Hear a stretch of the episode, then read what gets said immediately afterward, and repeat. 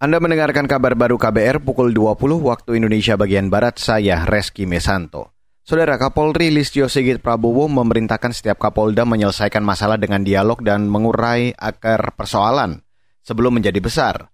Perintah ini disampaikan Kapolri merespon kejadian di Wadas, Jawa Tengah dan Parigi Mutong, Sulawesi Tengah yang menjadi sorotan publik. Ia menginstruksikan personel di lapangan untuk memperhatikan tahapan penggunaan kekuatan sesuai standar prosedur operasional atau SOP sebab akan ada sanksi bagi mereka yang melanggar SOP. Mengutip antara news.com, Listio menginginkan Polri bisa menjadi pemecah masalah di dalam situasi keamanan dan ketertiban masyarakat atau Kamtipmas. Hal ini disampaikan Kapolri saat meninjau pelaksanaan vaksinasi penguat di Kuta Bali hari ini. Menurutnya, meski situasi Kamtipmas meningkat, ia berharap Polri tetap bisa menyelesaikan dengan baik dan mengkomunikasikan masalah-masalah itu dengan pihak terkait. Beralih ke informasi selanjutnya, Saudara. Indonesia optimis akan menjadi negara industri hilirisasi terbesar di dunia. Salah satunya dengan membangun ekosistem baterai mobil.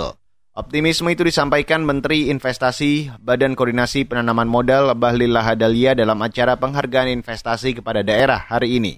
Kita harus jadikan Indonesia sebagai negara industrialis. Sekalipun saya tahu banyak negara yang tidak ingin Indonesia ini maju. Banyak sekali. Dengan berbagai macam regulasi di negara mereka buat. Tapi kita sudah harus memberikan lampu pesan hijau kepada mereka. Bahwa Indonesia sejak 17 Agustus sudah merdeka.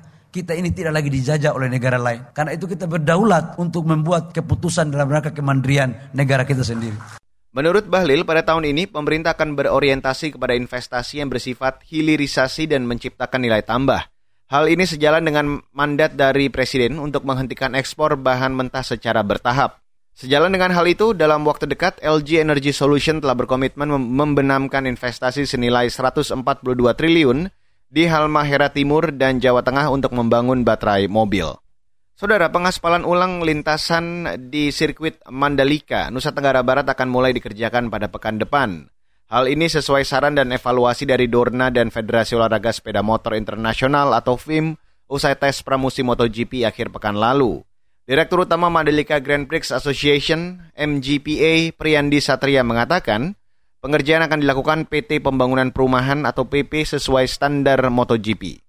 Jenis apa perbaikan ini eh, bisa berbagai macam, cuman PP memberikan yang terbaik dan uh, ingin lintasan ini uh, bukan hanya sekali pakai untuk MotoGP sehingga memutuskan untuk melakukan perbaikan de uh, dengan cara yang terbaik di lintasan ini.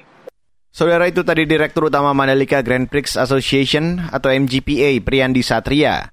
Sementara itu Direktur Utama PT PP Novel Arsyad mengatakan pekerjaan akan dimulai dengan pengupasan lapisan aspal sekitar 4 cm, kemudian dibersihkan dan langsung diaspal ulang. Kata dia, dari 4,3 km panjang lintasan sirkuit Mandalika, hanya 17,5 persen saja yang diaspal ulang.